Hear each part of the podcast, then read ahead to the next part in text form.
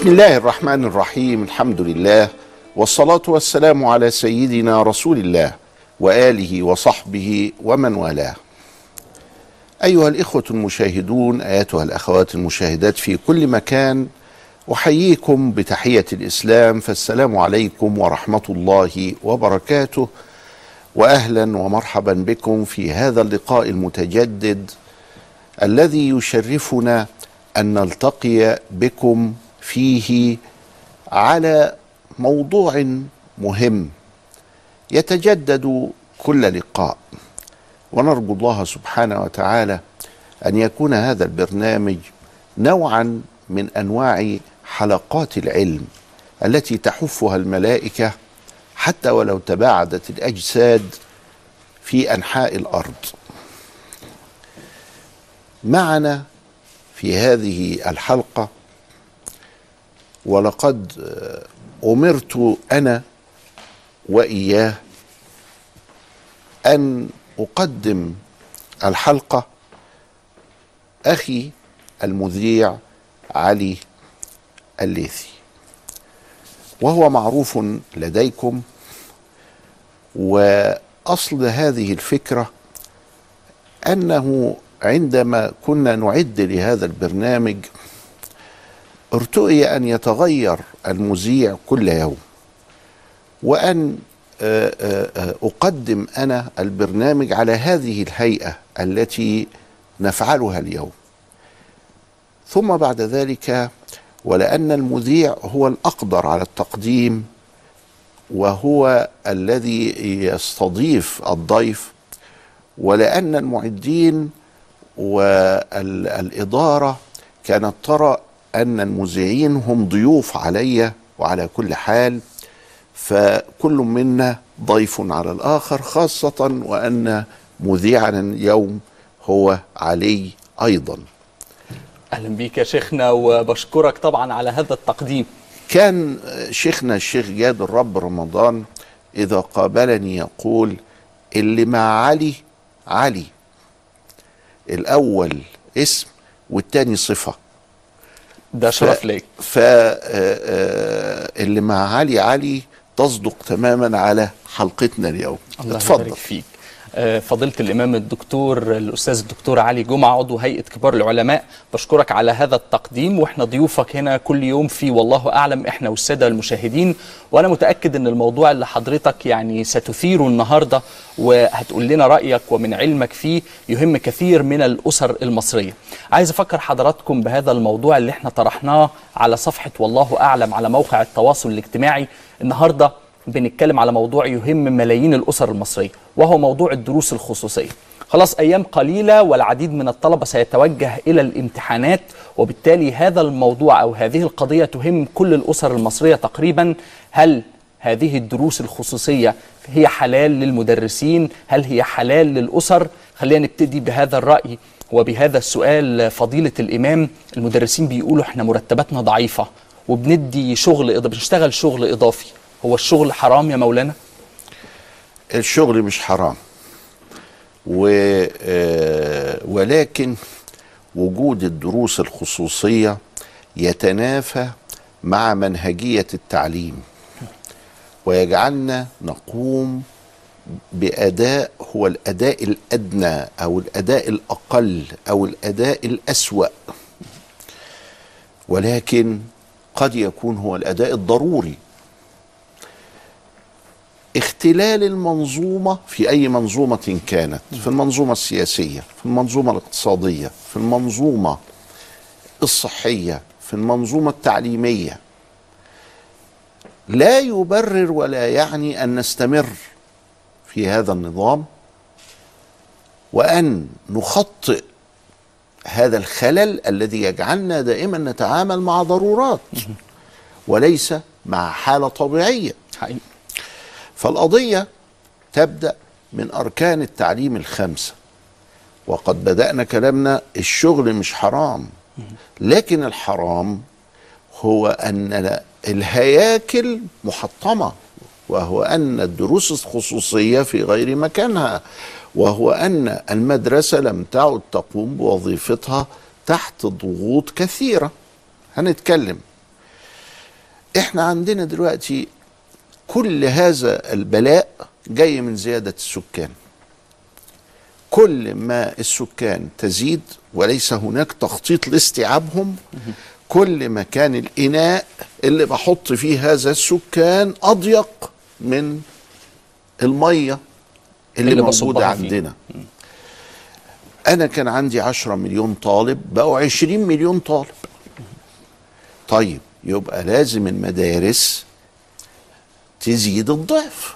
فلو كان عندي خمسة مليون مدرسة ولا حاجة يبقى لازم تكون عندي عشرة مليون مدرسة.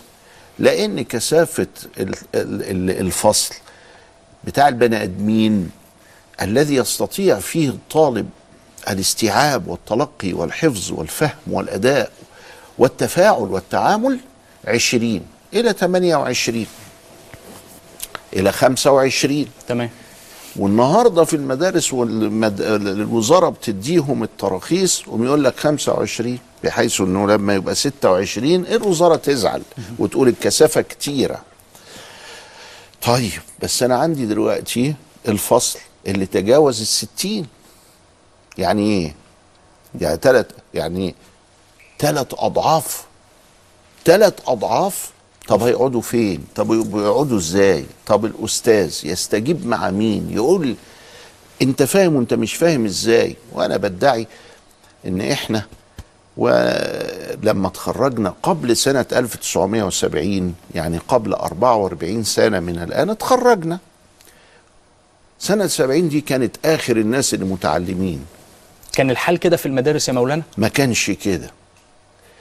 لكن كان ابتدى ما هوش 25 طالب ابتدى نبقى 28 بقينا نبقى 30 وكانت الزيادة دول الخمسة الزيادة دول عاملين أزمة. عاملين أزمة. الزيادة ال- القليلة اللي هي كانت. ثلاثة وخمسة. آه كانت عاملة أزمة.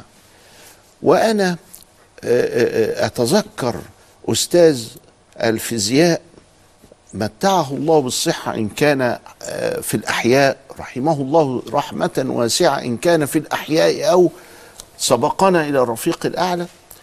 ال- آه، الأستاذ جمال زايد. والأستاذ جمال زايد بي- بيشرح على التخته على السبورة يعني. فبيكتب وعطيني ظهره وأنا كنت في الصف الأول. فالتفت لي وقال لي وأنت شايف السبورة؟ قلت له لا. قال لي وسكت ليه؟ وأغلق الدرس واتخانق معايا. رحمة بيا رأفة بيا حبا فيا. إزاي؟ أمال إيه وظيفة المدرس إلا أن يفهم الطالب وإيه وظيفة الطالب إلا إنه جاي جادا؟ قلت له يا أستاذ في مشكلة. المشكلة دي هي إن أنت لو رحت الطرف الثاني اللي وراك مش هيشوفك. قال لي مالكش تدخل. دي مشكلتي أنا. مش مشكلتك انت. هذا الكلام كان في سنة 67 حضرتك تعتقد الوضع دلوقتي إيه مع 60 و70 طالب في الفصل؟ ما خطرش في بالي جمال زاد مش موجود. ما هوش موجود. هيعمل إيه مسكين ومعاه ستين راكبين فوق بعضهم وقاعدين آه، آه، بطريقة غير آدمية أصلا لأن الفصل هو الفصل. حجم الفصل هو الفصل.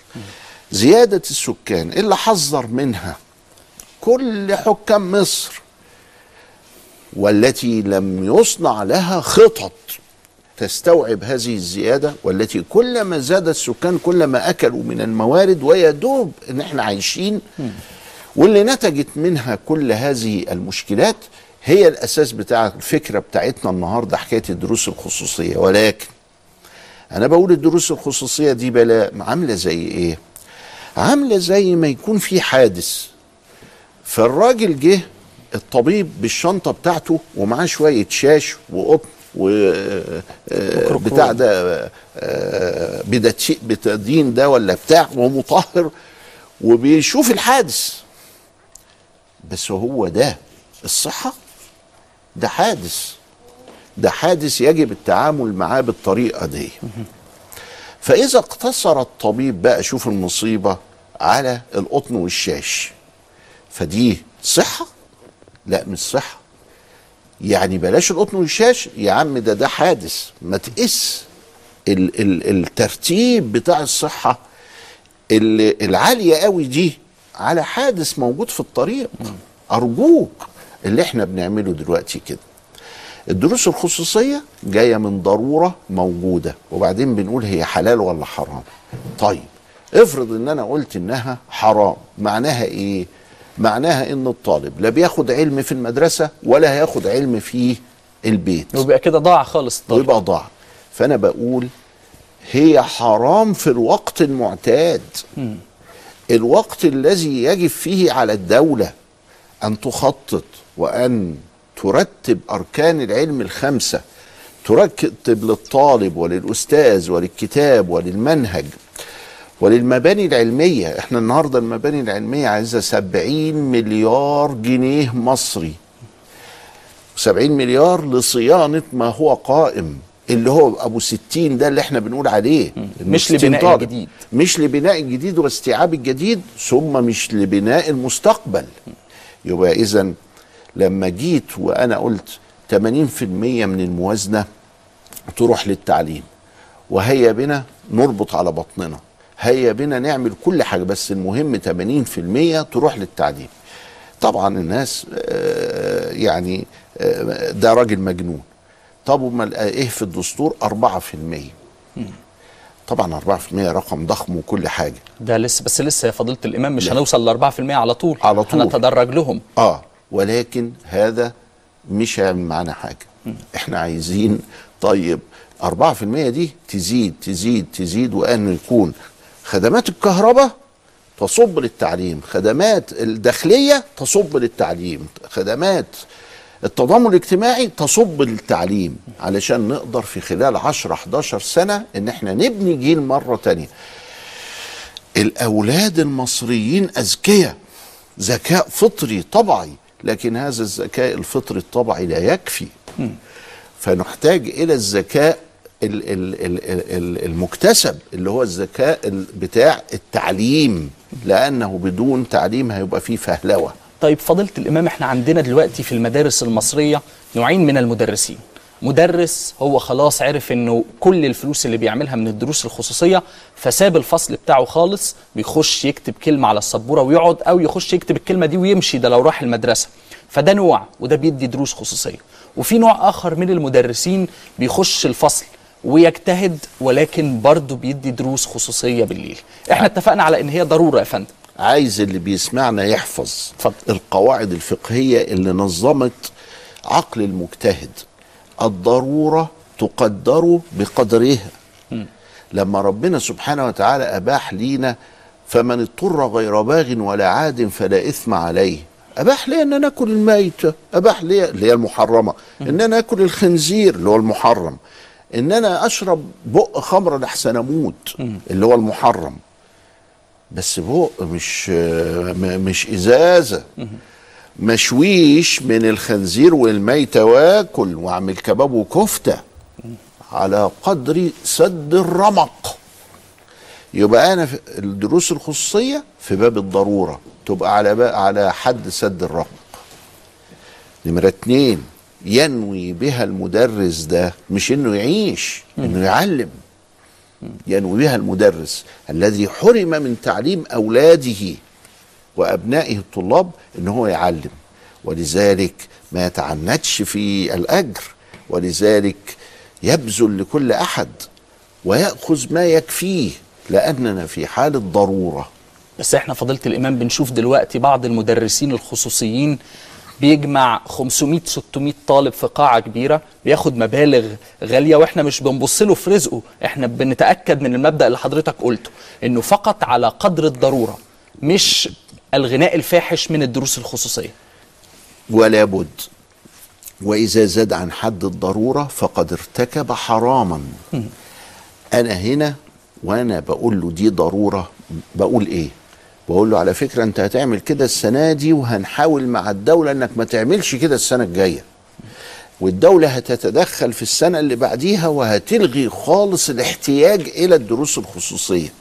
لكن اللي إحنا شفناه بقى في حياتنا اللي بعد ما تخرجنا من من 44 سنة إن الأستاذ ده هو أو في بعض الأساتذة مش كل الأساتذة في أساتذة حاجة عالية قوي إن الأستاذ ده هو بيتحكم في مش عارف الدرجات بتاعه الشفوي أو بتاعه الأعمال السنة.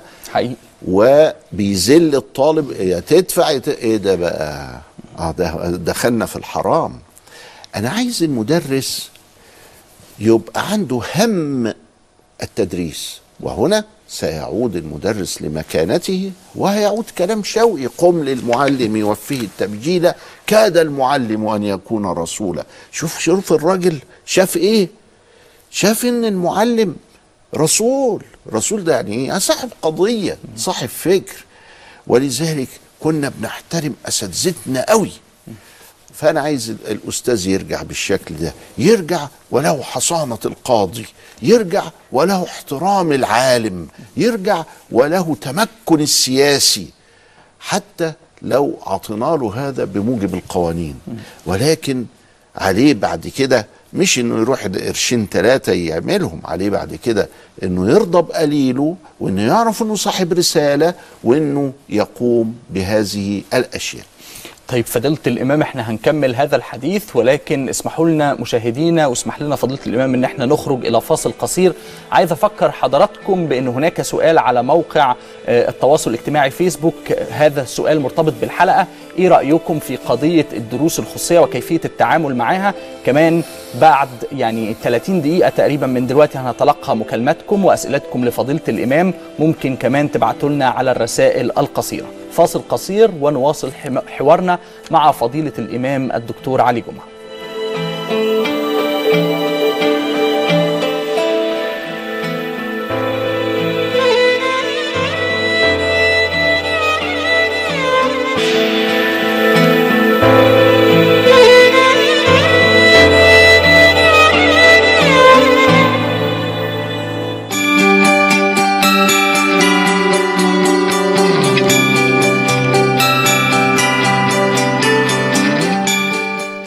والله الدروس الخصوصية ديت يعني ظاهرة موجودة في مصر من زمان.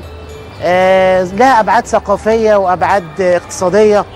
طبعا أنت عارفة داخل المدرس برضو يعني محدود ولازم يلجأ للدروس. كمان آه، الطالب نفسه هو اللي عايز الدروس مش المدرس بس لأن دي ثقافة موجودة عندنا في مصر إن الطالب مش هينجح إلا لو خد درس. في الفصل الكثافة عالية. فرصة الطالب إن هو يسأل المدرس ويتحاور معاه بتبقى فرصته قليلة في الفصل. لأن لما يكون الفصل إحنا يعني الحمد لله إلى حد ما مدرستنا الفصل كثافته مثلا 30 طالب حد أقصى. في مدارس تانية بيبقى 70 طالب. إزاي كل طالب هيتناقش مع المدرس ويعرف يستفيد منه في الزحام والوقت الضيق دوت؟ أنا بالرغم من إني مدرس ولكني بدي ولادي دروس. آه فيمكن الثقافة عندنا شوية إنه الأولاد بيتعلموا مهتمين قوي إن هم يعدوا من الامتحان. لأني زي ما حضرتك شايفة في تنافس كبير قوي على الكليات والدرجات بتبقى عالية فبيبقوا مهتمين قوي إني أحصل أكبر درجة عشان أدخل أحسن كلية. هو طبعا الضغوط دلوقتي الاقتصادية هي اللي بتخلينا نلجأ لكده لكن آه، آه، هي بتأثر علينا طبعا اجتماعيا جدا. إحنا ما بنشوفش عيالنا. أنا شخصيا شايف إن لو حتى لو اتضرب المرتب في 10 برضو مش الموضوع ده مش هيبطل. يعني أنا شغالة دلوقتي بقالي 22 سنة. لو سألتني على مرتبي هقول لك ما يعديش ال 1000 جنيه. مفيش مدرس هيحب يخبط على بيت علشان يدي دروس. مفيش مدرس هيحب إن هو يقتطع من وقته اللي هو وقت ولاده اللي هو وقت بيته اللي هو وقت أسرته علشان يشتغل فيه دروس أصلا. وهو عارف ومتأكد إن هي مش هتفيد الطفل البديل إن إحنا نخفف من الأعباء على ولي الأمر. بمعنى مثلا طريقة التقويمات طريقة الامتحانات المناهج. نقدر إن إحنا نحاول نبسطها نلغي الحشو.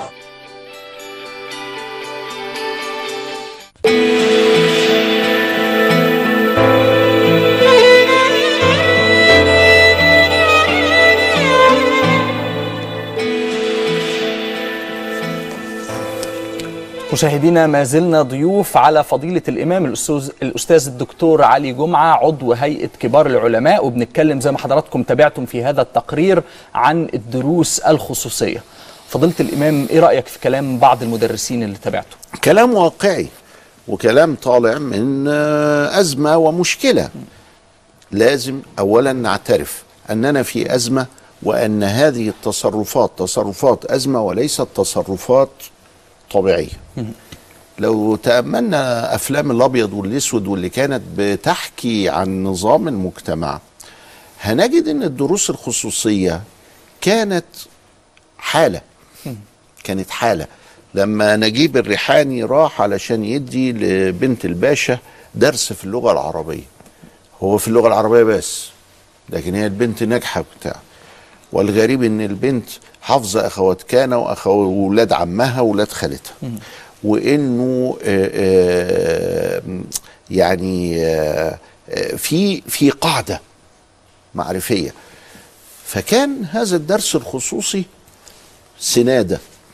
وكان هذا الدرس الخصوصي ما هوش من أستاذها اللي في المدرسة. ده من واحد بيعرف لغة عربية مدرس لغة عربية آه بس جاي موظف عند أبوها. مهمة النقطة دي يا فندم ما. يبقاش أستاذها اللي في المدرسة. آه ما كان ما هو ما هو ما كانش أستاذها اللي في المدرسة ولم تكن ظاهرة وكانت محدودة يعني مش جايب لها اصطاف أساتذة. لا ده جايب لها مادة في سنة من السنين اسمها اللغة العربية اراد تقويتها فيها فجاب لها الأستاذ حمام. لكن غير كده ما حصلش إنه شاعت وزعت وإلا طيب أمال التعليم بيعمل إيه أو المدرسة بتعمل إيه. الكلام ده قلناه هنا. أنا عايز أفرق للناس ما بين دايرتين كبار جدا لازم تنفصل في آه، في أذهانهم. الفرق ما بين النجاح والتعلم. الدروس الخصوصية بالهيئة اللي إحنا بنعملها دي بتؤدي إلى النجاح في الامتحان. وزي ما الأستاذ قال اللي إحنا سمعناه دلوقتي إنها بتؤدي إلى إن الطالب بيدخل في منافسة عشان يدخل الطب الهندسة الزراعة الآداب الحقوق وهكذا لأنه عايز يكمل مشوار تعليمه. لكن التعلم ده حاجة تانية خالص نهائي البتة. ده التعلم ده حاجة بتحتاج إلى تدريب بتحتاج إلى تربية. بتحتاج إلى تعلم معلومات ففي قيم وفي معلومات وفي مهارات. وده لابد فيه من الحوش بتاع المدرسة ومن أوضة الزراعة وأوضة النشاط ومن أوضة الموسيقى. أما يختزل كل ده والطوفان يزيد في المدارس إلى هذا الحد فيبقى ده مش تعلم ولا ولا هيؤدي إلى التعلم ده هيؤدي إلى النجاح في الامتحان يعني. أحد المدرسين يا فضيلة الإمام قال حتى لو ضربنا مدرس آه، مرتب المدرس في عشرة برضو المدرسين مش هيبطلوا يدوا دروس خصوصية. دي أزمة تانية أزمة تانية وهي أزمة حقيقية.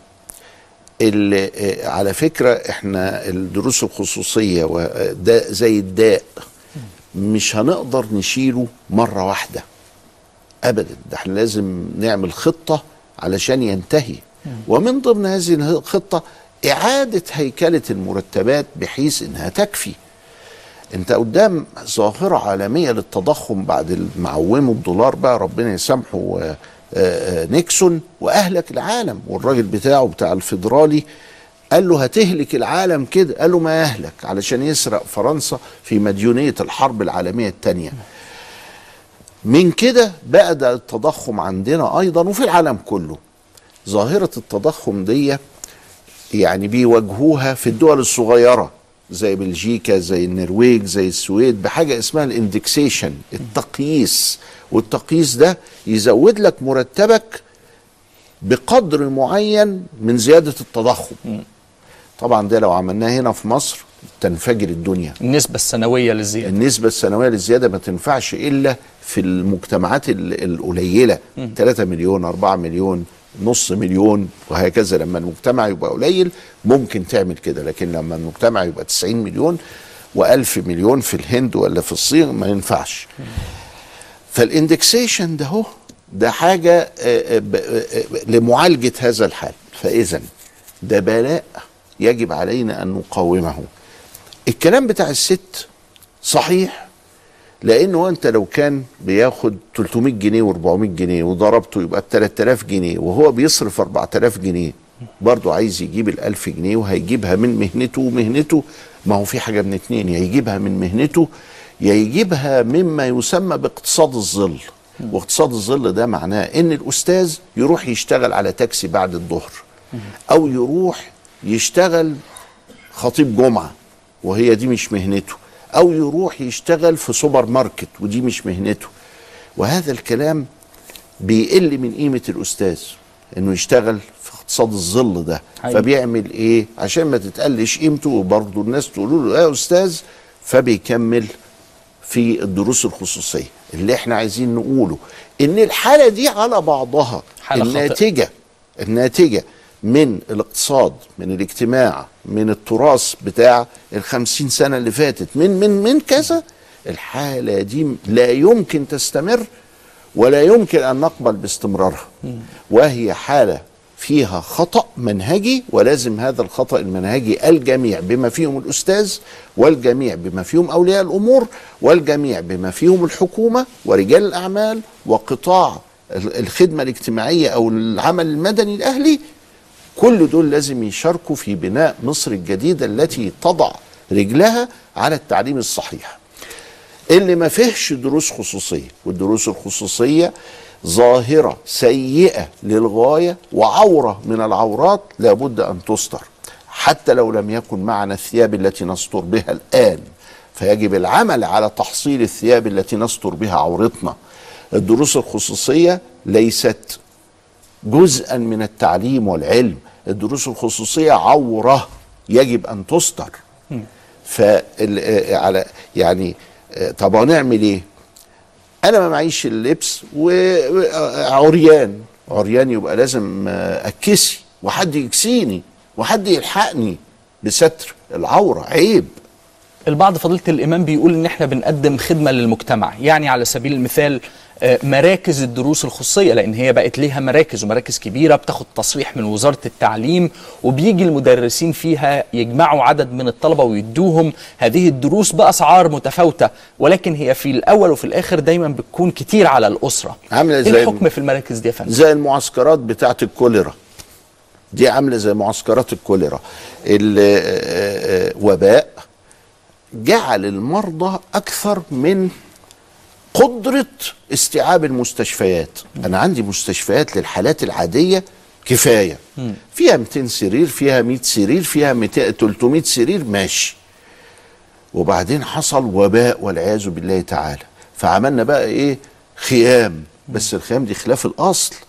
عملنا خيام. أيوه بس الخيام دي مش هتدوم. دي لفترة الكوليرا بس. فاذا يجب علينا إن إحنا ما ال- الدروس الخصوصية ولا نبني تعليمنا عليها ولا نقول إن الوزارة عطت ترخيص ولا لأ. دي كلها قضية الشيء لزوم الشيء وكلها مبنية على فقه الضرورة وفقه الأزمة. وفقه الأزمة لابد أن نعمل على انتهائه لا على إبقائه. أصحاب المراكز دي فكروا في فلوسهم إزاي يا فضيلة الإمام؟ إنه بيأكل ميته فما يعملش منها كباب وكفتة. يتقرف بيأكل ميتة إنه بيأكل ميتة. يأكل على قد الحاجة بس. على قد الحاجة على قد اللي يمشي المركز ده وعلى قد اللي يدخل له دخل ما يخليهوش من الأغنياء يعني المتصدرين في ده بقت مليارات. ما ده بالظبط زي واحد مضطر في الصحراء وانقطع به السبيل فالمعيز الميتة قاعد يشوي وياكل يشوي وياكل وما مش عارف إنه دي ميتة وإن الميتة نجسة. أنت بتاكل نجاسات كده. وما ينفعش لا أن تغ- تغذي نفسك وجسدك ما يمنعك من استجابة الدعاء. فكل جسم نبت من حرام فالنار أولى به.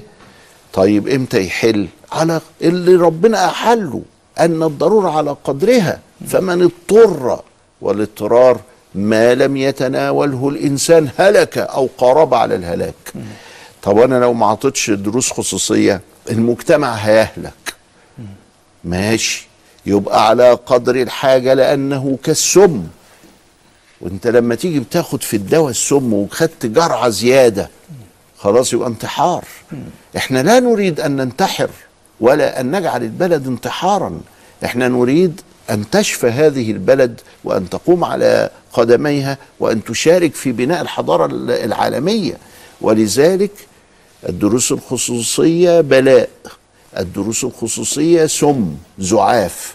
الدروس الخصوصية تؤخذ على قدر الضرورة التي تقدر بقدرها سواء أداء أو سواء أموالا بتصب من خلق الله إلى جيوب طائفة من المدرسين. يتقوا الله سبحانه وتعالى ويتقوا الله في أنفسهم وفي المجتمع. وهذا الحال من بناء التعليم على الدروس الخصوصية حال ردي غير مرضي. فضيلة الإمام بعض ال- العاملين في قطاع التعليم وحضرتك عارف إن ال- الإنسان بيدي دايما لنفسه حجج. فيقول ما أنا بروح المدرسة وما عنديش إمكانيات.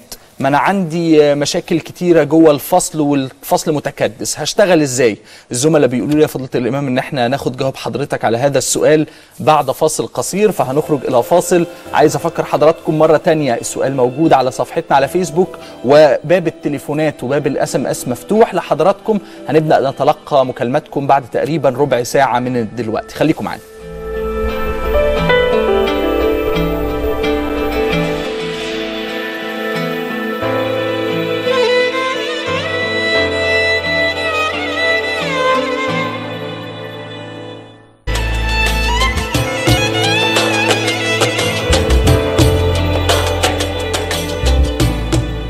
أهلا بحضراتكم مرة تانية وإحنا ما زلنا في ضيافة فضيلة الإمام الأستاذ الدكتور علي جمعة عضو هيئة كبار العلماء. وقبل الفاصل توجهنا إلى فضيلة الإمام بالسؤال.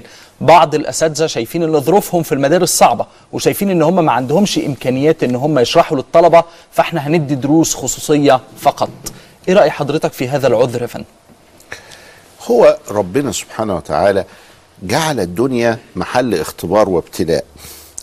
لما وضع أنا في الاختبار والابتلاء والامتحان يجب أن أنجح. وده أول حاجة بيعلمها المدرس للتلميذ إن هو لا ييأس إن هو لابد أن يحتال بكل حيلة حتى يصل إلى الهدف وإلى النجاح. حضرتك لابد أن تبذل أيها الأستاذ وكل أستاذ بيدرس كل ما في وسعك من حيلة من أجل أن تؤدي وظيفتك تؤدي مهمتك تؤدي ما أقامك الله فيه. الهروب بالشكل ده إنه أسيب ال- الأمور واجري ده نوع من أنواع التولي في وقت الزحف. الجيش كله متوجه لقتال العدو وإذ بي أنا يحدث الجبن في قلبي فأجي متولي في وقت الزحف. شوف الصورة دي التولي في وقت الزحف. وأنا عملت إيه؟ عملت حاجة زي الخيانة. خنت الجيش بتاعي. خنت المجتمع بتاعي. خنت نفسي. ولذلك جعل رسول الله صلى الله عليه وسلم التولي يوم الزحف من الكبائر من أكبر الكبائر الموبقات جعلها هو التولي يوم الزحف. إحنا الآن في جهاد لأن عندنا مشكلة متراكمة ورثناها بلوى جت علينا من عند الله سبحانه وتعالى لا دخل يمكن لكثير فينا. ده كثير من المدرسين ولدوا بعد الأزمة. حقيقي. ولدوا بعد سنة 67 وإحنا بنسمع جمال عبد الناصر رحمه الله وهو بيقول لا صوت يعلو فوق صوت المعركة. وصحيح ساعتها مهزومين أرضنا محتلة العدو في وسطينا الله. قضية م- غير مقبولة. وركز على التحرير وقد تم في 73 على يد السادات رحم الله الجميع ورجعت لنا أرضنا. طب وبعدين؟ فين بقى بقيه المجتمع من تعليم من اقتصاد من كذا إلى آخره؟ اهتمنا بحاجات وما اهتمناش بحاجات والطرق وجربنا وعملنا. اذا فإخواننا دول لا علاقة له عايز يعيش أيوه مفيش مانع. بس عيش. اللهم اجعل رزق أهل محمد كفافا. ما هو في كفاف وفي كفاءة كفاية وفي كفاءة. الكفاءة الكفاف ده اللي هو الحاجة اللي على القد على الضرورة. لكن الكفاية يبقى فيها راحة بقى وبحبح طب والكفاءة بقى؟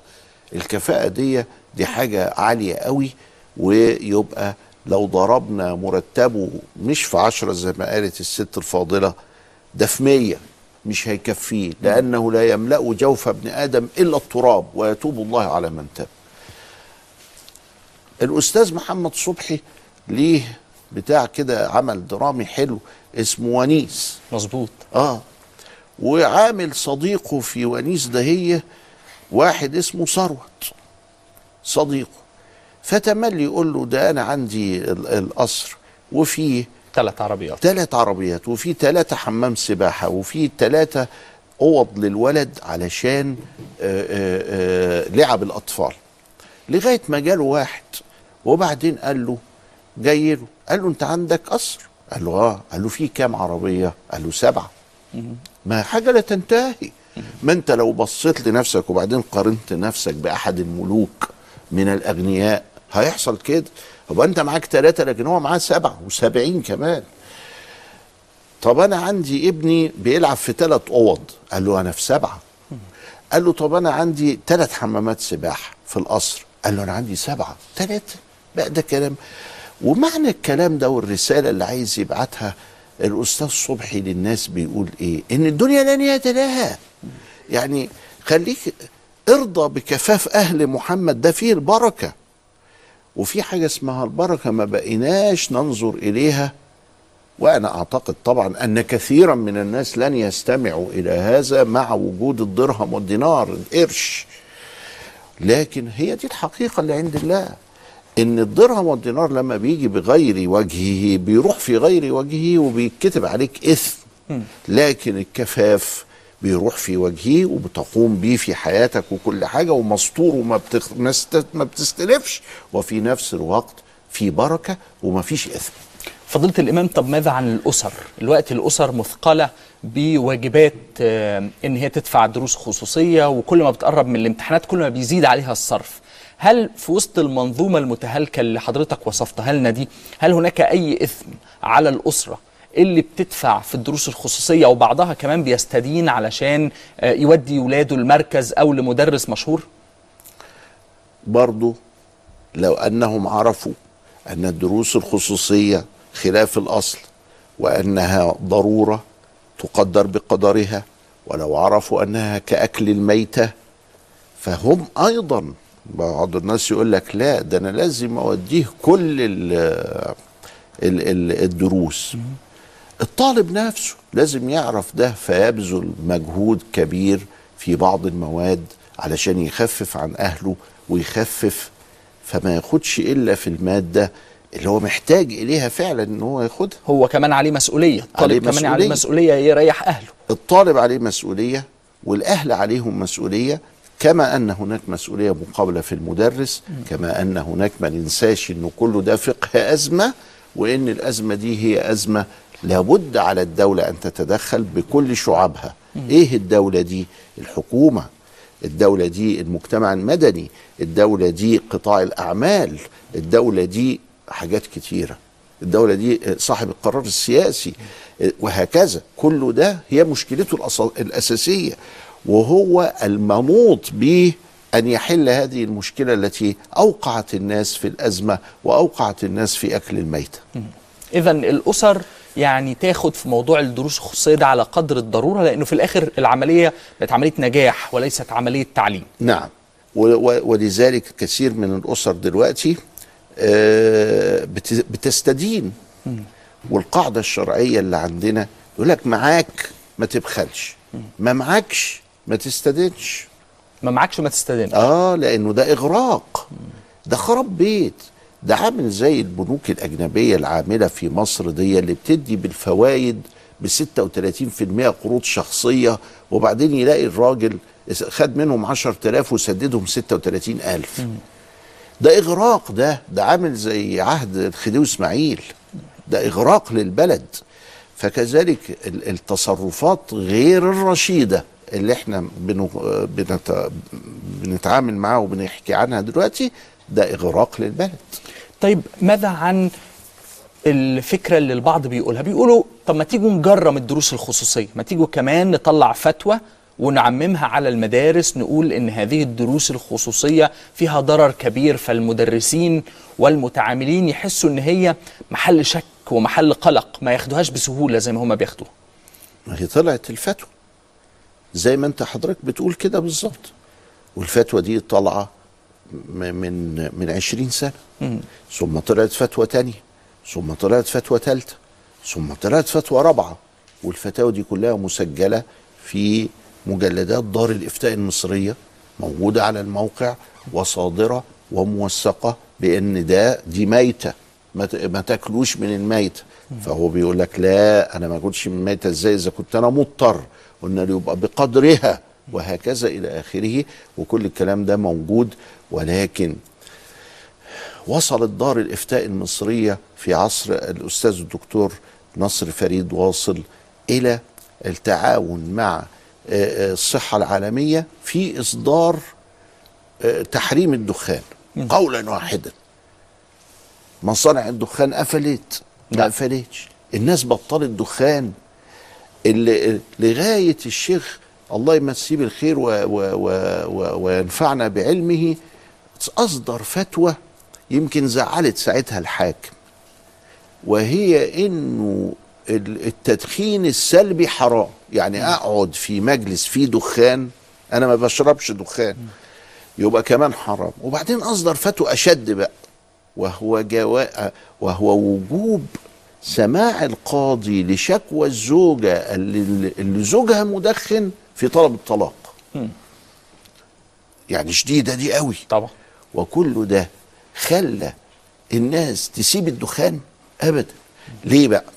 لأن الواقع هو اللي بيحرك هذه القضايا مش الفتاوي. مش الناس. مستنية الفتوى علشان تقلدها أو تلتزم بيها لا. ده الواقع هو اللي بيحركهم. وبيحتاجوا إلى فتوى تؤيد ما يفعلونه مش تنهى عما يفعلونه. زي الرشوة. الرشوة بح صوتنا وإحنا بنقول إن الرشوة حرام ولكن الرشوة ما انتهتش. وعملنا كل الأساليب وكل ال- لكن هو في النهاية يتغافل يصد آه، آذانه يبدأ ما ياخدش من ال- الفتاوي لأن الواقع هو اللي بيحركه. الواقع اللي بيحركه. طيب إحنا هنستنى بقى آه، مع حضرتك طبعا.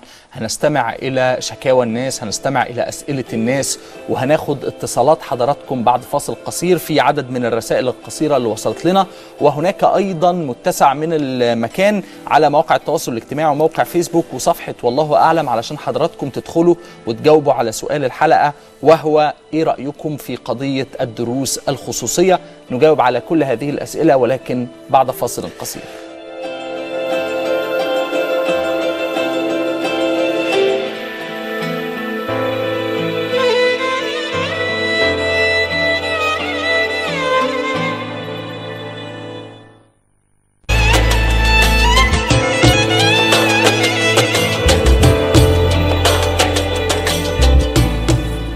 أهلا بحضراتكم مرة تانية. إحنا وصلنا لهذه المحطة مع فضيلة الإمام الدكتور الأستاذ علي جمعة الأستاذ الدكتور علي جمعة. وهذه المحطة إحنا بنقرأ فيها بعض الرسائل اللي وردت لنا من خلال ال SMS وكمان بنرد على استفساراتكم من خلال الهاتف. إحنا معانا بالفعل عدد من الاتصالات الهاتفية.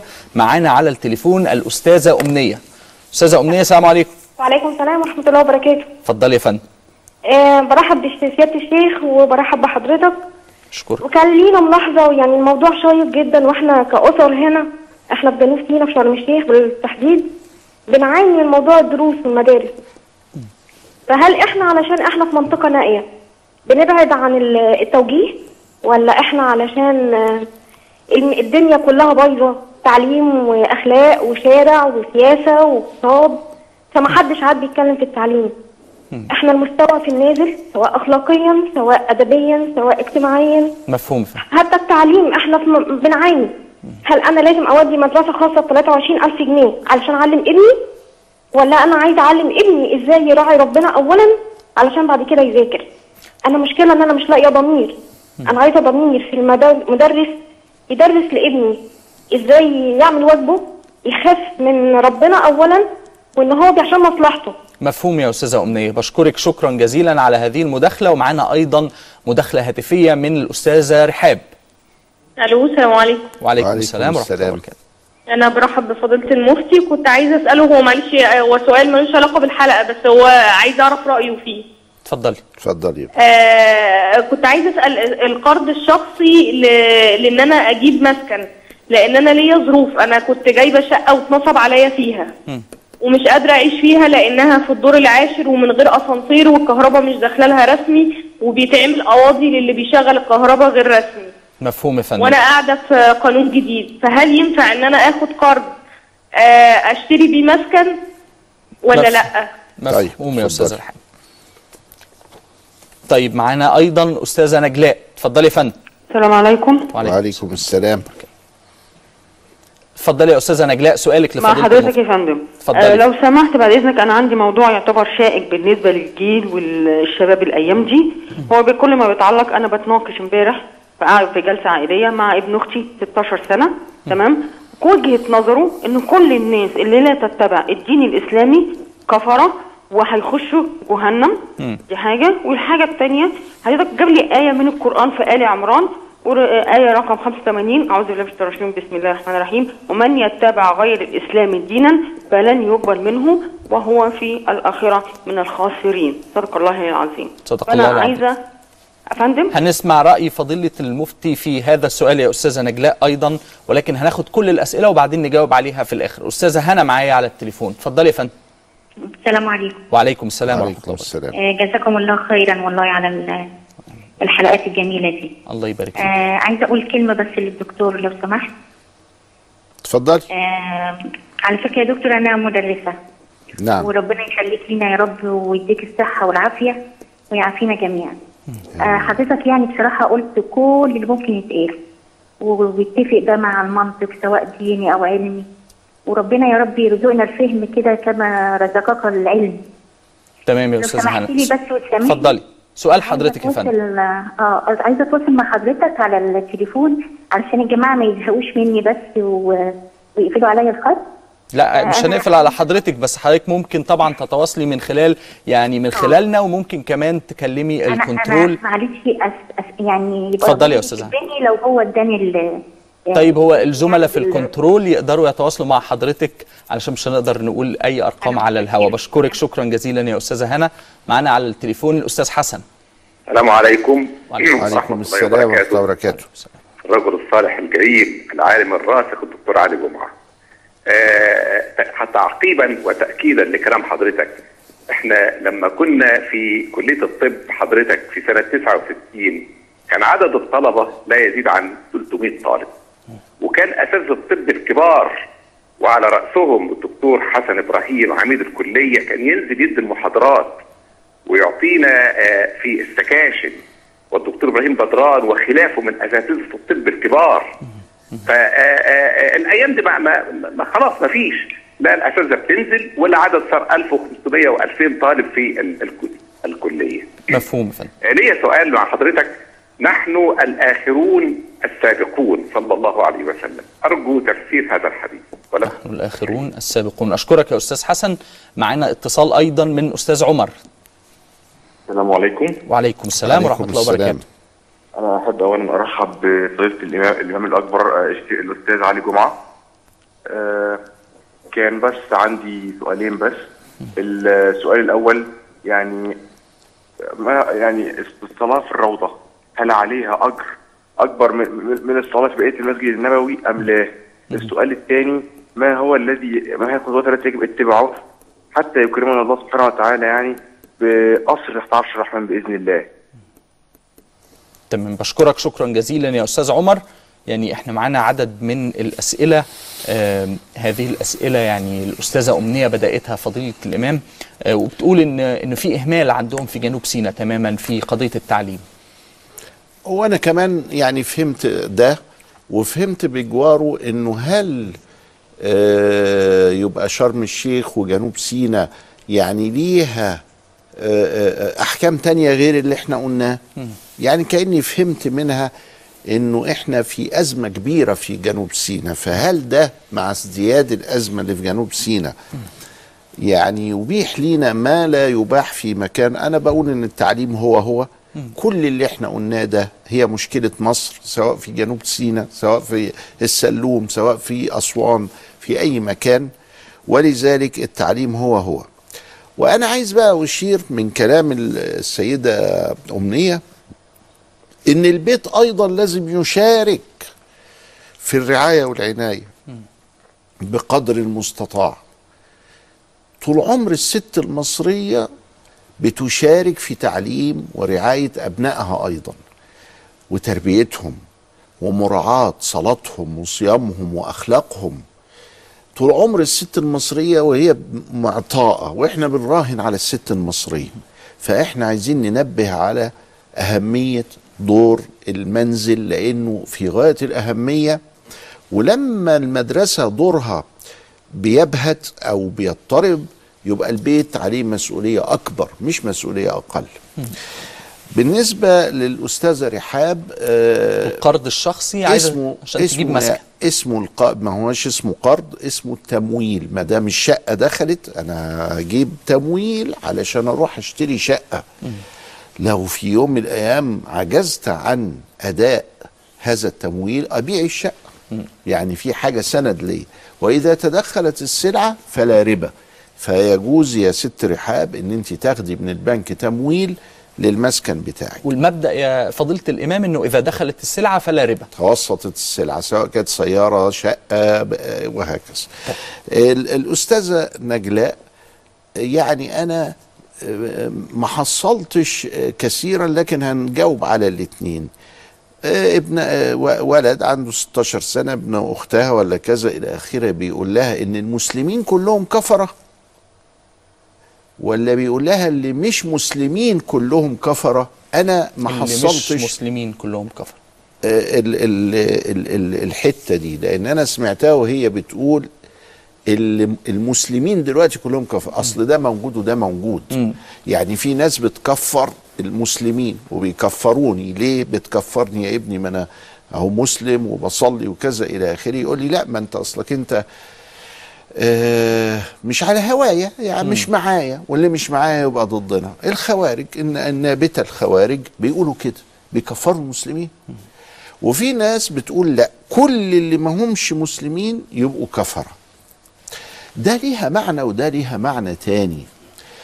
اللي بيقول آه، آه، غير المسلم هو المسلم ده مين؟ المسلم اللي بيقول أشهد أن لا إله إلا الله وأن محمدا رسول الله. طب افرض انه قال اشهد ان لا اله الا الله وحده بس كده. يبقى آمن بمحمد لا. حرية العقيدة عندي مقدسة. الشخص بيجي بقول له انت مؤمن بمحمد قول الصراحة. قال لي لا أنا مش مؤمن بمحمد ومش مؤمن إن سيدنا محمد ده هو. أنا بقول سيدنا هو بيقول لا. إن هو نبي. ما اناش مؤمن. قلت له خلاص. وأنا بحترم فيك صدقك. اذا فأنت كفرت بمحمد. كفرت يعني إيه؟ يعني جعلت ساتر بينك وبينه. يعني قلت فربنا سبحانه وتعالى سمى المؤمنين من هذه الناحية أنهم كفروا بالطاغوت. فأنا كافر بالطاغوت. كافر بالطاغوت يعني إيه؟ يعني جاعل بيني وبين الأوثان كفر. بقول الأوثان دي ما هياش ربنا الأوثان دي ما هيش إله. فأنا آمنت بالله وكفرت بالطاغوت. هناك من كفر بالله وآمن بالطاغوت. يبقى كفر. فالكفر هنا اللي هو بتاع غير المسلمين ده من حرية العقيدة.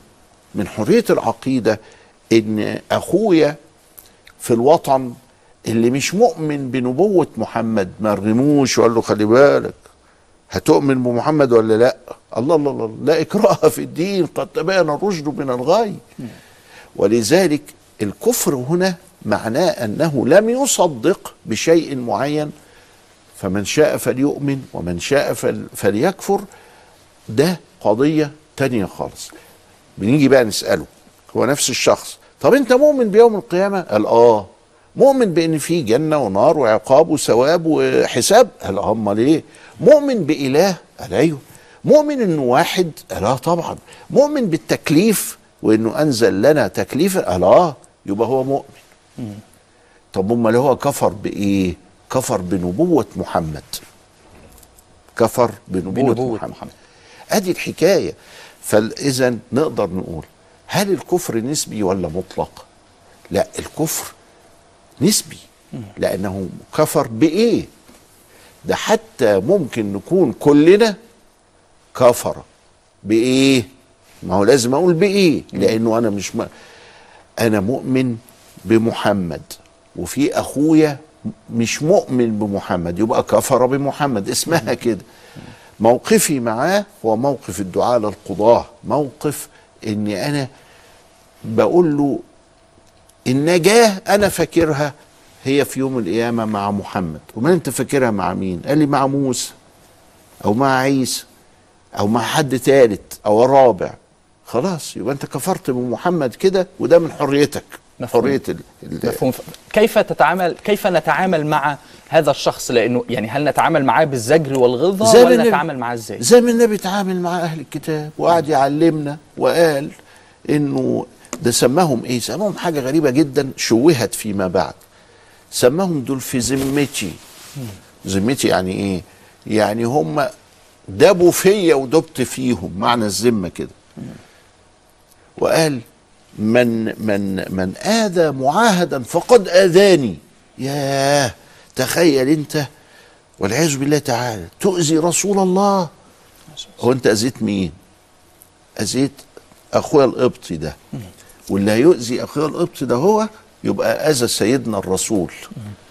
أنت مؤمن بالرسول أنت؟ وتروح تأذي اللي, قال لك من آذى آه، معاهدا أو معاهدا فقد آذاني؟ أدي الحكاية أدي أدي القصة. اعامله إزاي؟ اعامله زي ما النبي قال. اعامله زي ما النبي عمل.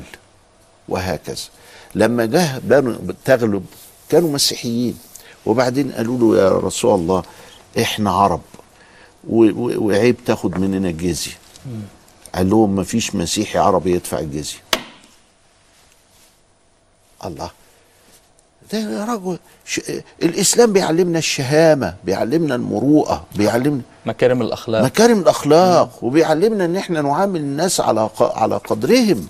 بلاش تشويه بقى كفايانا كفايانا التشويه لأن إحنا ملينا من التشويه ومن العبط. من إنه يجيب حاجة ويحطها في حاجة ويجيب حاجة تانية ويحطها ويلبسها لحاجة تانية فكفايانا كده. حضرتك الأستاذ حسن, حسن. آه بيقول نحن الآخرون السابقون طبعا هو تكلم عن الأكابر الدكتور إبراهيم بدران متعنا الله بصحته وعافيته حسن إبراهيم وعلي باشا إبراهيم يمكن بقى الأخ حسن ما أدركش علي باشا إبراهيم وأولاده يعني الحقيقة كانت كان جو تاني موجود. نحن الآخرون السابقون يعني إحنا آخر أمة والكلمة الأخيرة ما شوف لما تفتح الكتاب المقدس يقول لك إيه؟ العهد القديم. شويتين وتلاقي العهد الجديد. ولذلك نسمي القرآن العهد الأخير. ها؟ عهد الله. ربنا سبحانه وتعالى آه، آه، نزل العهود دي علشان يعلم البشر إزاي يرضوه إزاي يسيروا في طريق الله. وآخرها القرآن. والعهد الأخير. فبيقول نحن الآخرون. أيوه إحنا آخر أمة. السابقون. هنيجي في يوم القيامة ونسبق. هذه فكرة الخلاص فكرة حكاية برضو الإيمان والكفر وكذا إلى آخره. أنت مؤمن بإيه وكافر بإيه؟ أنت فاكر الخلاص بتاعك يوم القيامة منين؟ إحنا فاكرينه إنه سيدنا النبي. واخد بالك؟ بس إحنا مش فاكرين كده فكرة عابرة. دي عقيدة راسخة. بس العقيدة الراسخة دي ما جاتش عن تقليد إنما جت عن وعي وعن تفاعل وتعايش مع سيدنا النبي. لقيناه الإنسان الكامل لقيناه الخلق الأتم. إحنا لقيناه كده. أخويا يمكن مش شايف أنه الخلق الأتم. مش شايف كده. سامع لناس بتشتم فيه وتعمل فيه وكذا إلى آخره. الصورة ما هيش واضحة قوي كده. فما آمنش بيه. امره لله. واخد بالك؟ لكن أنا ليه أنا آمنت بيه؟ لأن أنا عشته. لأن أنا شفته. لأني وجدته يقول إنما بعثت لأتمم مكارم الأخلاق. الأخ عمر بيقول الصلاة في الروضة هل ليها أفضلية؟ طبعا. تتبع آثار النبي ليه أفضلية ثم إن هذا المكان هو جزء من الجنة. ربنا سبحانه وتعالى بعثها لنا في في الدنيا كده. ما بين منبري وبيتي روضة من رياض الجنة. ولذلك سميت الروضة لأنها وهناك تلاقي السجاد مختلف اللون.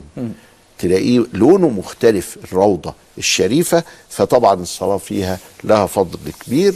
وبعدين هو بيسأل عن موجبات ظل عرش الرحمن سبحانه وتعالى. ودي لعلنا إن إحنا نفرد لها حلقة لأن ما ورد في الصفات الموجبة لعرش لظل عرش الرحمن بلغت عبد ال عبد ال الباقي الزرقاني في شرح الموطأ خلاها سبعين. وغيره خلاها تسعين. تسعين صفة 90 موجبة أو 90 ع- صفة. صفة. آه. اتنين متحبوا في الله فاجتمع عليه وافترق عليه. رجل دعته امرأة ذات منصب وجمال فقال إني أخاف الله. رجل تصدق بصدقة حتى لا تعلم شماله ما أنفقت يمينه. رجل حكم بين الناس فعدل. رجل وها إلى آخره تعدهم في مرة سبعة موجودين في حديث واحد. لكن لو تتبعت السنة هيطلعوا تسعين. فممكن دي برضه مفرد لها حلقة. والإمام السيوطي ألف فيها كتابا. جمع فيها هذه الأحاديث التي وردت في موجبات ظل عرش الرحمن سبحانه وتعالى. فضيلة الإمام الأستاذة رحاب اتصلت تاني وقالت إن هي كانت بتتكلم على القرض الشخصي علشان أجيب مسكن. هي اتصلت وبتقول طيب أنا هاخد الفلوس دي في إيدي يعني هروح أخد قرض في إيدي وأروح أشتري بيه بضمان ما هو هو البنك وهو بيديها اللي هي مصممة إنها تسميه قرض علشان الناس تتلخبط واللي هيقول لها ده حرام وهي نفسها تتوسوس وهكذا. ده تمويل. ده نوع من أنواع التمويل. ب ب ب ب بضمان. بضمان. الضمان هيكون هذا المسكن اللي هي هتشتريه علشان لو إنه حصل حاجة من تعذر أو كذا يستوفى من هذا الضمان. طيب آه يعني اسمح لي ناخد برضو التعليقات اللي جات على صفحة البرنامج على موقع فيسبوك. بعض هذه التعليقات من آه المشاهدين على ظاهرة الدروس الخصوصية. الأستاذ أحمد رجب أحمد على آه سبيل المثال بيقول الدروس الخصوصية هي ظاهرة سلبية نتيجة انهيار منظومة التعليم من قلة عدد المدارس وزيادة كثافة الفصول. بأضعاف ما يجب أن تكون عليه وتدني مستوى المعلم على مختلف المستويات المادية والخلقية والعلمية والثقافية. المنع وحده دون النظر في باقي المنظومة ليس بحل. الأستاذة دينا دسوقي بتقول آه، دروس الخصوصية هي باب للاستغلال والمتاجرة آه، برسالة أسمى ودخل فيها شبهة. والأستاذ أحمد الليثي بيقول المنع ليس حل يجب البحث عن حل واقعي ونافع بديل يعود بالمنفعة على الطالب ولا يبخس المعلم حقه. أما الأستاذة منال عمر فبتقول كنت مش موافقة عليها بس لما أولادي دخلوا المدرسة لقيتها ضرورة لأن العدد كبير في الفصل وبعض المدرسين مش بيشرحوا ولا بيراعوا ضميرهم وبيطلبوا الاشتراك في المجموعة المدرسية. من أول يوم لو يرجع الضمير للمدرس وزي ما بيطلب بحقه في الكادر وفي زيادة المرتب يشرح ويراعي ضميره آه، بكده الدروس الخصوصية مش هيكون ليها وجود ولا داعي لمنعها أصلا. آه، أيضا الأستاذة داليا الصايغ بتقول رأيي أن هناك ثلاثة أوجه للمشكلة. آه، علاقة وجه له علاقة بالمعلم الذي يتعمد التقاعس في الشرح لإجبار التلميذ على أخذ درس وهذا حرام من وجهة نظرها. ووجه له علاقة بمنظومة التعليم الضعيفة. التي تسمح للأساتذة بالتهاون في حق التلاميذ والتي أيضا لا تعطي للأساتذة حقوقهم التي تكفيهم. ووجه له علاقة بالتلميذ وهو ليس عليه ذنب وأوافق على منعها بشرط التأكد من توفير التعليم الجيد للطلاب وتوفير حقوق المعلم. يعني بعض المشاركات برضو فضيلة الإمام آه، من الأستاذ آه، الأستاذة يمنى ياسر المشكلة مش مشكلة دروس خصوصية إنما مشكلة ضمير. لو المدرس عنده ضمير وبيشرح في الفصل ما كانش الطالب خد دروس خصوصية. أما الأستاذة يمنى جمال فبتقول نظرا للحال المتدني للتعليم في مصر من مدارس غير مجهزة وأعداد تفوق سعة الفصل وبعض المدرسين الذين لا يراعون الله في عملهم. فالدروس الخصوصية شر لا بد منه. آم، م- مشاركة من المشارك مينو ينوى. لو اتلغت هنسقط إحنا كل اعتمادنا عليها. ده أنا ما رحتش المدرسة غير يومين. يبدو إن ده طبعا أحد الطلاب. بيقول إنه ما راحش المدرسة غير يومين. والأستاذ هاني محفوظ ودي المشاركة الأخيرة على فيسبوك بيقول قبل منع الدروس الخصوصية يجب على المدرسة أن تجيد تعليم الطالب ولكن الواقع أن المدرسة أصبحت مكان لتضييع الوقت بشكل رسمي فقط. يعني هي كلها ليست بأسئلة ولكن هي تعليقات وأعتقد أن هي هو ده آه، ملخص ما ذكرناه وأنا مظبوط. موافق عليها كلها إلا تعليق واحد فقط وهو الذي يحمل ال- الأستاذ وحده كل ال- المشكلة. لا الأستاذ وحده مش كل المشكلة زي ما هنا الأستاذ أحد عناصر المشكلة. في أساتذة في غاية السمو و... و... و... وإن شاء الله هؤلاء هم الغالب. لكن في أستاذ غير مؤهل وفي أستاذ آه، آه، لا آه، بيتصرف تصرفات حرام.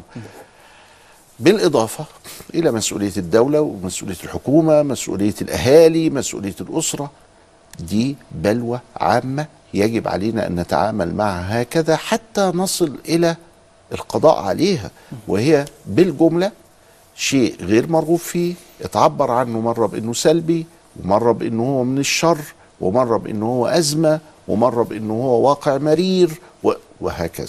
يبقى ده إحنا متفقين عليه إن الدروس الخصوصية ليست هي الحل الدروس الخصوصية ليست هي الأحسن الدروس الخصوصية مسألة فيها نقص سلب فيها أزمة فيها واقع مرير.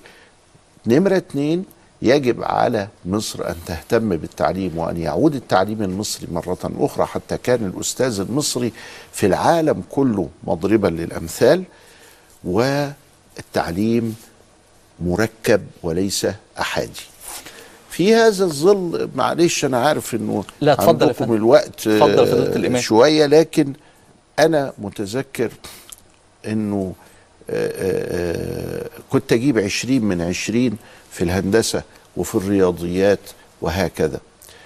وكنت أقتصر كأمر ال- الأستاذ أني أحل آه، أنواع معينة من التمرينات بحيث أني أحفظها وأجاوب عليها. وكان أبي يعترض على هذا اعتراضا كبيرا ويقول لي إن الرياضيات ومنها الهندسة لم تصنع لهذا. ولا لأنك أنت تنجح في الامتحان. هناك فرق بين النجاح وبين التعلم. الرياضة بتعلمك التفكير المستقيم وبتعلمك بهذا التفكير عن طريق التدريب وحل مشكلاتها. فلا بد أنك أنت تحل كل الكتاب أسئلة كل الكتاب ثم تحل كل الأسئلة في الكتب الخارجية. كان ساعتها عندنا الكتاب اسمه الممتاز. لازم تحل الممتاز كله. الممتاز ده فيه 300 400 مسألة. طب وأنا ليه أحل ال 300 المر- قال لي علشان مخك يشتغل علشان مخك يبقى آه، نظيف. فأنا بقارن بين هذا ال- ال- ال- ال- الفهم للتعليم والتدريب والمهارات وال- والكفاءات والقيم وبين التيك أواي بتاع النهارده اللي بيدخل علشان ينجح وعشان يدخل كلية كذا وكذا. ما كانش هو ده القصد من التعليم وكان أنا مش عايزك تجيب 20 من 20 أنا عايزك تغلط في الامتحان. جيب 18 بس جيب 17 بس بس, فكر صح. خلي عندك تفكير مستقيم تعرف المرة الجاية تجاوب صح. طيب فضيلة الإمام عندنا برضو بعض المكالمات والمداخلات أسئلة لفضيلة الإمام معنا الأول الأستاذة نهال. أستاذة نهال اسمعينا أيوة. من التليفون مش من التلفزيون لو سمحت السلام عليكم وعليكم ورحمة السلام. الله وبركاته آه، من فضلك أنا بس كنت عايزة الأول التعليق اللي فضيله الشيخ قاله دلوقتي إن للأسف إن المد... أنا مدرسة ومدرس أول كمان. وبتعامل مع أخطر فئة في المجتمع في المتعلمين كلهم اللي هم الأطفال الصغيرين تمام المشكلة دلوقتي في الدروس الخصوصية إن المدرس هو شايل أخطاء المجتمع كلها. مم. للأسف دلوقتي إن البيت شال دوره والمدرس هو اللي بي... اللي, اللي بيعمل دور المدرسة ودور البيت. ما هو بقى- الإمام يعني آه. قال إن المسؤولية لا تقع فقط على المدرسين هي تقع على المجتمع ككل. آه أنا بس عايزة أكد إن الموضوع مش موضوع فلوس لأن كل اللي بيتعلم اللي بيتكلم بيقول الدروس علشان إن المدرس عايز فلوس وكده. لا الفكرة مش حكاية فلوس. وطبعا المدرسين اللي فيهم الفئة ال- ال- الفاسدة اللي بيتكلموا عليها إنه ما بيشرحوش وكده الفساد ده في كل في كل طوائف المجتمع. مفهوم يا مجتمع نهال. في شغل كده. مفهوم ووصلت وجهة نظر حضرتك. آه أنا كمان عايزة أقول في ال- التعليم عندنا للأسف في بلدنا بيبقى عقاب للتلميذ مش مجرد تعليم. مم. يعني القعدة في الفصل مش مريحة ال- المناهج نفسها مش مظبوطة. الوزارة التربية والتعليم نفسها مش بتوفر الوسائل التعليمية اللي هي فعلا بتو- بتوصل المعلومة سلسة للتلميذ إن هو يشوف. إزاي بتتحرك إزاي بتعمل وعايزين كمان المدرس هو اللي يعمل الوسائل دي إزاي حقيقي. في ظل المرتبات اللي بيتكلموا عليها القليلة ودلوقتي كل كل الدنيا مسايلين المدرس هو الغلطان في كل حاجة لا يا أستاذة نهال هي والألف. مشكلة عامة على الجميع وأعتقد إن إحنا أكدنا على هذه النقطة وفضيلة الإمام أكد عليها أكتر من مرة. بشكر حضرتك آه، على هذه المداخلة وهذا التوضيح من جانبك. معانا برضو على التليفون الأستاذة نجلاء. اتفضلي يا فندم. السلام عليكم. وعليكم السلام. السلام. ما- يعني بعد إذن حضرتك هو توضيح صغير بس لسيدنا الشيخ. تمام؟ اتفضلي. كنت اللي أقصده إن الولد لو أنا بناقشه وبكلمه في. في موضوع الأديان كان وجهة نظره إن هو إيه على الدين المسيحي إن هم دلوقتي إن التوراه إن الإنجيل تطور إن هو الإنجيل متحرف تحرف فهم دول الناس دول دول ما لهمش دين فاذا هو بيعتبرهم كفرة عشان طيب يا أستاذة نجلاء. أفندم. تمام تمام يعني هي دي وجهة نظرك ولكن آه، أعتقد تانية بعد إذنك؟ أنا قلت اتفضلي. ذكرت الآية رقم 85 في آية عمر في سورة آل عمران اللي هي ومن يتبع غير الإسلام دي دينا لن يقبل منه وهو في الآخرة من الخاسرين. فأنا عايزة برضو أوجهه بحلم زي ما الشيخ قال تمام؟ بس عايزة أعرف إيه وجهة نظر هل ده الصح عنده؟ يعني دي طبعا أنا عارفة إن هي معلومة غلط بس هي الصح أوضحها له إزاي وأجيب له إثباتات إزاي؟ تمام. معانا برضو على التليفون أم فرح اتفضلي يا فندم. السلام عليكم. وعليكم السلام ورحمة الله وبركاته. آه أنا آه أنا إحنا آه، طلعنا على المعاش من من سنة فاتت. وبعنا دكا- دكانة وبعنا حاجات على أساس إيه؟ المعاشات ما تقضيش. ف وهذا بقى معانا 650 ألف جنيه. أيوه فندم. ف آه، جه عليها الحول فده فسأل ال- الشيخ بتاع الجامع فقال له 10% من ال- المبلغ الإجمالي. 10% من 10% المبلغ من الإجمالي. 650 ألف جنيه. 650 ألف آه. جنيه. طب سؤال 17,000 حضرتك يا فندم. 17250 تمام. حضرتك عايز تسألي هل النسبة دي صح كده زي ما سأل ما هو الامام ال- الجامعي ولا عايزه فضيلة تسالي على إيه؟ الشيخ قال من الأرباح من الأرباح آه 10% مم. واخد بال حضرتك؟ مفهوم. يعني الأرباح مثلا ستو... آه، 65000 إحنا بنصرفهم بس عشان نطلع عليهم ال 2.5% هيبقى مبلغ قليل. طيب يعني فإحنا. دفعنا س- 17000 250000 آه، 250 ال- السنة اللي فاتت. طب أنا بس علشان أتأكد من الأرقام حضرتك حضراتكم بعتوا المحل والبضاعه اللي فيه ب 650 ألف مظبوط كده؟ فبقى معانا 650000 جنيه. 350 طيب. 300 ستة. آه آه آه. خلاص. تمام. هنسأل فضيلة الشيخ. بعد كده معانا الأستاذ محمود. أستاذ محمود معانا على التليفون؟ طيب. ناخد أستاذ أسامة. أيوه. يا فندم اتفضل يا أستاذ أسامة.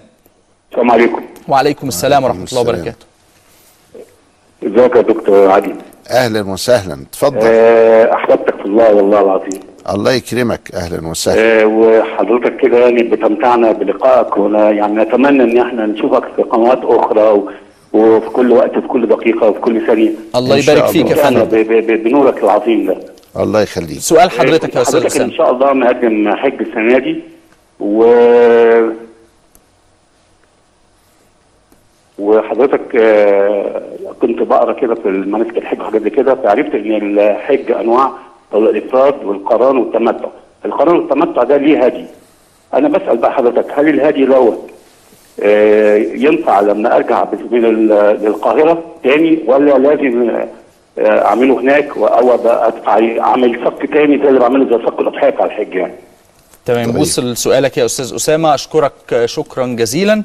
يعني طيب ال- الأسئلة زي ما حضرتك تابعت معانا يعني الأستاذة نهال ليها تعليق بتقول إن المدرس مش وحده هو السبب ولكن المجتمع وده حضرتك أكدت عليه أكتر من مرة. الأستاذة نجلاء آه، هي اللي كانت بتتكلم على قضية آه، قريبها اللي عنده 16 سنة آه، اللي بيتكلم إن هو على أصحاب الكتاب. آه ال- الآيات كثيرة في وأنا قلت لها تقول له مم. آه النبي عليه السلام لما جه وفد نجران خلاهم يصلوا في المسجد وفد نجران من النصارى. خلى الصحابة تروح لرجل لا يظلم عنده أحد وهو النجاشي في هجرة أولى وهجرة تانية. يبقى الناس دي ناس آه، آه، آه، مقبولة. لكن النبي عليه السلام جايب بدين من عند الله سبحانه وتعالى وهو يطلب من العالمين أن يدخلوا الإسلام لأن هو ده الخلاص. لا إكراه في الدين. قد تبين الرشد من الغي. تقول لابن أختها كده تقول له من آذى ذميا فقد آذاني هتعمل فيها إيه؟ وتفهمه إن الكفر نسبي ما هوش مطلق. زي ما حضرتك أسلفت بالفعل. زي ما قلنا وعملنا وكده بس هي الأستاذة نجلاء ما خدتش الفكرة مننا لأنها آه، آه، آه، يعني هي عايزة آية تانية معاكسة للآية 85 آل عمران نقولها. لتجدن آه، آه، ولا تجدن أقربهم مودة للذين آمنوا الذين قالوا إنا نصارى. هتعمل فيها إيه يا أبو 16 سنة؟ وهكذا. موجود موجود ال- ال- ال- ال- اللي عايز يتعامل مع القرآن ككل. أفتؤمنون ببعض الكتاب وتكفرون ببعض؟ فإن الذين آمنوا والذين هادوا والنصارى والصابرين من آمن بالله واليوم الآخر فلهم أجرهم عند ربهم ولا خوف عليهم ولا هم يحزنون. أهو. في آية اهي في سورة ما إحنا لازم ناخد القرآن ككل. حقيقي. طيب أم فرح ب... ب... ب... لا إحنا بنقول 10% من الإيراد. إيراد 650 65 يبقى ال 10% 6 ونص. أنا ما أعرفش مطلعه 17 ونص ليه. اتضربت إيه في إيه علشان تطلع 17 ونص. هل هي ضربت آه، آه، 650 مثلا 650 ألف جنيه 650 ألف جنيه. آه، في آه، هي عايزة تطلع 2.5% اتنين ونص في المية فطلعت مثلا 16 وربع مثلا يعني. آه طبعا إحنا عندنا المليون بيعمل 25 ألف. فيبدو إن هي طلعت اتنين ونص في المية من ال 650 وإحنا بنبيح ليها. إن النتاج اللبن الثمرة بتاعت ال 650 اللي هي الربح تطلع منهم 10% مش 10% من ال 650 مش من الأصل من الربح فقط. آه. من الربح. لأن آه، 650 10% منها يطلع 65 ألف اللي هم كل الإيراد بتاعهم. لا ده هو 10% من الربح وليس من الأصل. الأستاذ أسامة وسؤاله عن الهدي. لازم يكون هناك. بإجماع المسلمين. ما ينفعش يكون خارج آه، مكة ولذلك في صك للهدي بتعمله منظمة التعاون الإسلامي وبيبيعوا آه، ناس كتير. لكن الصك ده بتاع الهدي هو يشتريه ب 450 ريال وخلاص يبقى أتم تقديم ولازم الهدي. هناك زي ما فضلتك لازم قلت. هناك بالإجماع. ما ينفعش هنا. طيب فضيلة الإمام على آه، الرسائل القصيرة. هناك بعض الأسئلة اللي جاية لنا. يعني أحد الأسئلة من التائب إلى الله بيقول ما حكم تارك صلاة الجمعة التي. الذي يصليها ظهرا في المنزل؟ هو في نهي عن ذلك وأنه لو ترك بلا عذر ثلاث جمعات متتالية يختم على قلبه. ولذلك في تحذير شديد من الوقوع في هذا الإثم. فلو أن أحد مثلا من الناس ترك الجمعة كسلا كده مرة وصلى ظهر يعني يحرص بقى المرة الجاية ما يعملش كده. فلو إنه وقع فيها مرة ثانية تبقى مصيبة. لكن لو وقع فيها مرة ثالثة فده يخشى عليه أن يختم على قلبه والعياذ بالله تعالى ويجب عليه أن يعود بسرعة إلى أداء صلاة الجمعة. إحنا هنتوقف عند هذا السؤال. بشكر حضرتك شكرا جزيلا. فضيلة الإمام الأستاذ الدكتور علي جمعة عضو هيئة كبار العلماء. يعني سعدنا بصحبة حضرتك وباستضافتك لينا في هذا اليوم. وإن شاء الله الاستضافة تتكرر على مدار الأسابيع القادمة. إلى اللقاء. إلى اللقاء. وبشكر متابعة حضراتكم في هذه الحلقة من برنامجنا والله أعلم.